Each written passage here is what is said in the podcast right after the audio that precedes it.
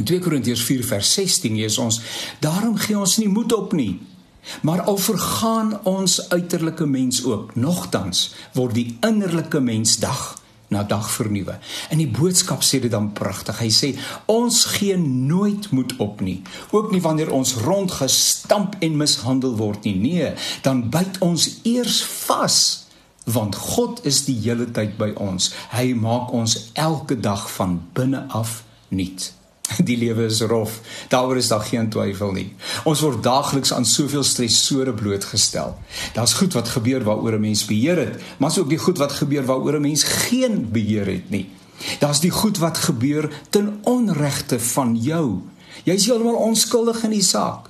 Daar's ook goeders wat waar jy die slegte vrugte pluk van die verkeerde keuses wat jy gemaak het.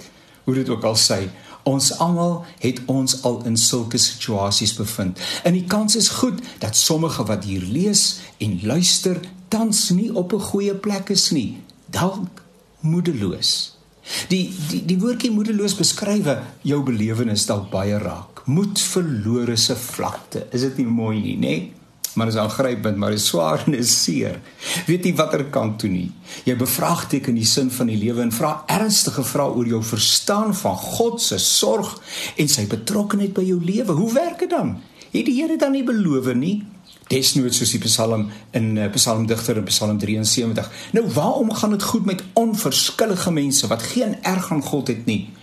Ook nie vir sy gebod enige plek in hulle lewens toelaat nie, maar ek wat regtig probeer kry die wind van voor. Het jy al so gevoel? Ag, is 'n belangrike vraag. Maar God is daarmee nie ongemaklik nie. Praat jou hart uit. Behou jou respek vir hom, maar wees so eerlik met hom as wat jy kan wees. Hy raak nie kwaad nie. Hy wys jou nie reg en skryf jou uit die boek van die lewe en van die lam nie. Hoe groot is hy nie?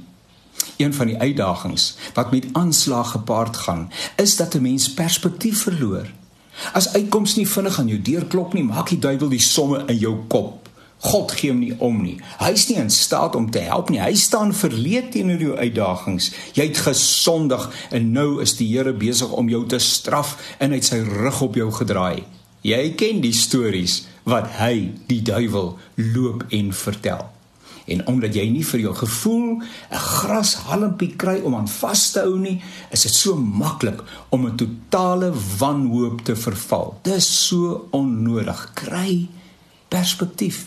Dit gaan swaar feit. Die lewe is steeds kosbaar. Die lewe het steeds sin.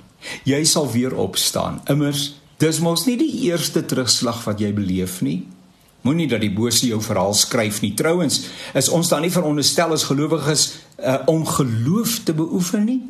Is die skrywer van Hebreërs se definisie van geloof nie dan juis dat ons vertroue het al val die bodem uit nie? Haal asem en as jy uitplaas, dan bely jy God is nog steeds groot. Vasbyt.